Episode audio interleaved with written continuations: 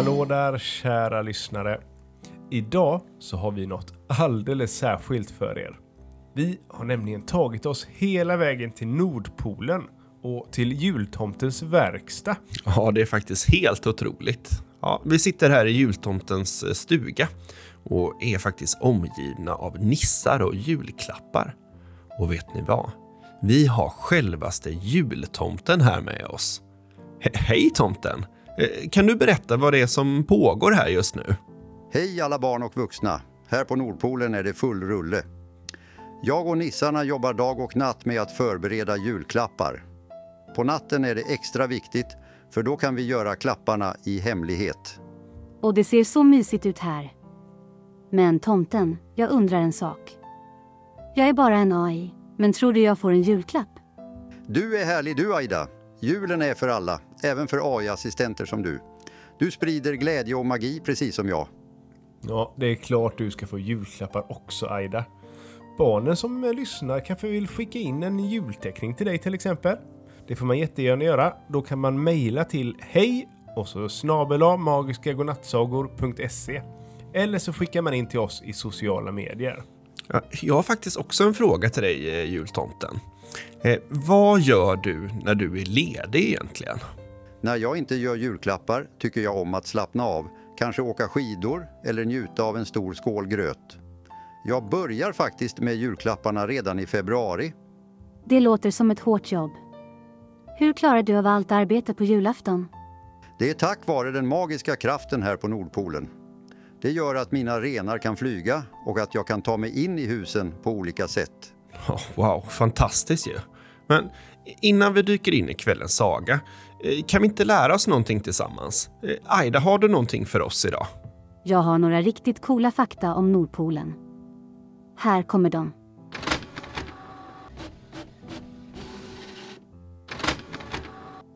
Åh, vad roligt! Ja, det blir spännande. Här kommer då dagens fakta idag om Nordpolen. Nordpolen är jordens nordligaste punkt. Det är där jordaxeln möter jordytan.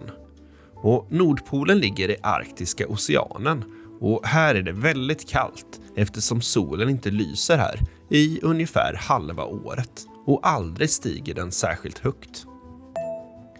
Nordstjärnan, eller Polstjärnan, är alltid synlig på himlen ovanför Nordpolen. Vi människor vi kan använda den för att se hur långt norrut vi är genom att observera hur högt Polstjärnan verkar vara på himlen. På sommaren är solen kontinuerligt över horisonten vid Nordpolen och under horisonten under vintern. Soluppgången sker strax före marsjämvikten och solen tar tre månader att nå sitt högsta läge vid so- sommarsolståndet innan den börjar sjunka igen och försvinner vid höstjämvikten. På Nordpolen, på Nordpolen så finns det ingen permanent mänsklig närvaro. Alltså det finns ingen som bor här alltid, förutom då tomten. Och här finns det inte heller någon specifik tidszon. Polarexpeditioner kan använda vilken tidszon som helst som passar dem. Till exempel en som heter GMT eller tidszonen från det land som de startade från. Det finns faktiskt två nordpoler på jorden. Den nordmagnetiska polen, som är ett magnetiskt fenomen som ändras dagligen. Och den geografiska nordpolen, som är en fast punkt på jorden, där vi är idag. Ja, precis. Och Nordpolen är ju verkligen en helt fantastisk plats. Absolut, och jag är stolt över att kalla den mitt hem. Men nu, låt oss höra kvällens saga. Ja, det ska vi göra. Vi, vi har ju fått in ett önskemål från Sigrid i Stockholm och hon vill höra en lite, ja vad kan man säga, en annorlunda julsaga. Ja, ni, ni ska få höra. Här är hennes röstmeddelande. Hej, jag heter Sigrid. Jag är från Stockholm. Jag är sju år. äh, Jag är sex år och ska fylla sju år i decem- december. Jag vill ha en saga om en tomte, en jultomte som, kom, som är dum mot alla snälla barn. och snäll mot alla dumma barn. Och sen så blir tomten snäll mot alla snälla barn och dum, dum mot alla dumma barn. Ger inga presenter alltså. Intressant önskning från Sigrid. En tomte som är dum mot snälla barn och snäll mot dumma barn. Ja, det är lite av en knepig situation kan jag tänka mig. Eh, Jag undrar hur Aida ska skriva ihop den här sagan egentligen. Jag måste säga att jag är lite konfunderad. Jag skulle aldrig vara dum mot några barn, snälla eller dumma. Det är inte i julandans anda så att säga. Ja, det här blir verkligen en utmaning för dig Aida, men vi är väldigt nyfikna på hur du kommer lösa det här. Ja, det kommer bli en spännande saga att lyssna på. Okej, då börjar jag skriva. Ja, Tobbe, då är det dags för dig att läsa upp den här sagan, så lägg er ner bekvämt, för nu börjar sagan Tomtens omvända jul. I en liten by, omgiven av snötäckta tallar och gnistrande frost, bodde en flicka vid namn Sigrid. Hon hade ett hjärta lika varmt som en sommardag och en fantasi lika vild som vinden. Medan julen närmade sig tänkte Sigrid på något mycket ovanligt. Hon undrade om tomten någonsin ändrade sig om vem som förtjänade julklappar och vem som inte gjorde det. När julafton kom, kom också en mycket förvirrad tomte till byn. Han hade en lång, krullig mustasch och ett par glasögon som hela tiden gled ner för hans näsa. I sin stora röda säck bar han en lista som var allt annat än vanlig. På denna lista var namnen på snälla och dumma barn omvända. Så började han sin utdelning. De barn som var kända för att dra i flickors hår och kasta snöbollar inomhus vaknade upp till de största och finaste paketen. Medan de som hjälpte till hemma och sa tack och förlåt fann små påsar med kol under sina granar. Det här kan inte vara rätt, sa Lisa, som alltid hjälpte sin mamma med matlagningen. Och där, på andra sidan gatan, skrattade Karl, som var känd för att alltid ha bus på gång, när han öppnade ett paket med den allra senaste och dyraste spelkonsolen. Men Sigrid, klokare än många barn och med en förmåga att kunna se saker från en ljusare sida, beslutade sig för att prata med tomten. Hon hittade honom sittandes på en stubbe i skogsbrynet med pannan rynkad i förvirring. Tomten? Varför är listan omvänd? Varför får snälla barn kol och dumma barn leksaker? sa Sigrid.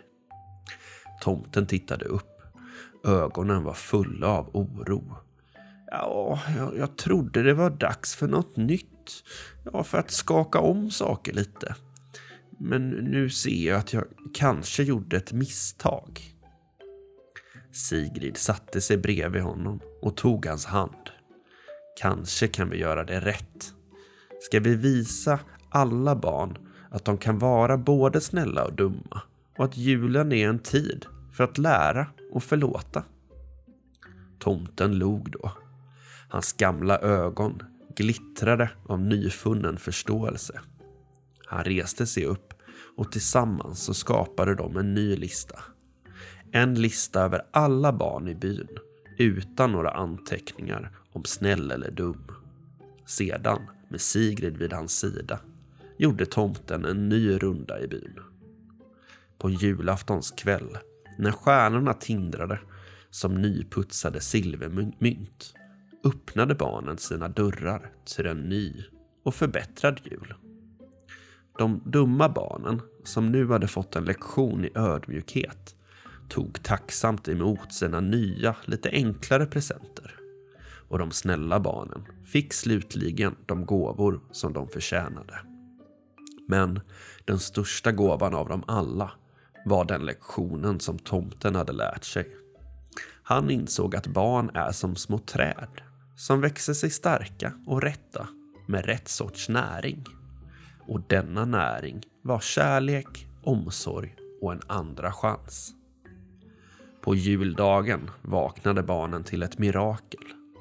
De som hade varit dumma och fått pre fina presenter var förvånade över att deras hjärtan kändes så lätta när de delade med sig av sina leksaker. Och de som hade varit snälla fann att deras tålamod hade belönats på det allra finaste sätt. Och mitt i allt detta satt Sigrid under granen med ett leende bredare än någonsin. Hon hade hjälpt till att sprida en viktig julbudskap om förståelse och empati och visat att även en tomte kan lära sig nya saker. När kvällen kom och stjärnorna lyste än klarare visste alla barn i byn att denna jul hade varit den mest speciella av alla. Inte för de presenter som de hade fått, utan för den kärlek och de lektioner som hade delats ut. Och tomten då? Jo, han skrattade sitt djupa härliga skratt när han körde sin släde tillbaka till Nordpolen. Vis i förevisningen om att nästa jul skulle bli ännu bättre. För nu visste han att snällhet är inte svart och vitt och att varje barn förtjänar en chans att lysa klart.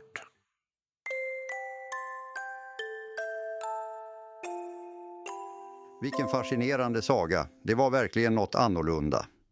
Sigrids idé att vända på allting, där de snälla barnen först fick kol och de dumma barnen fick leksaker, det fick verkligen mig att tänka till. Och sen det vackra slutet, där alla lärde sig en viktig läxa om snällhet och att ge varandra en andra chans. Det är precis vad julen handlar om, att sprida glädje och lära av varandra. Ja, det är, var en sån värdefull påminnelse om att vi alla faktiskt kan göra misstag. Ja, Sigrid har verkligen fantastisk fantasi får man säga. Jag håller med. Det var en inspirerande berättelse som visar att även en tomte kan lära sig nya saker.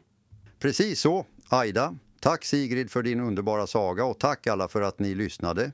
Nu när vi närmar oss julafton, låt oss komma ihåg att vara snälla och ge varandra kärlek och förståelse. Ja, tack så mycket tomten för att du delade din tid och visdom med oss. Och tack också alla våra lyssnare för att ni var med oss på det här speciella äventyret på Nordpolen. Ja, sov gott eh, från oss här på Nordpolen. Vi hörs snart igen med mer julmagi. Ho, ho, ho! God natt och glöm inte, julen är en tid för glädje och värme. Ta hand om varandra. Hej då!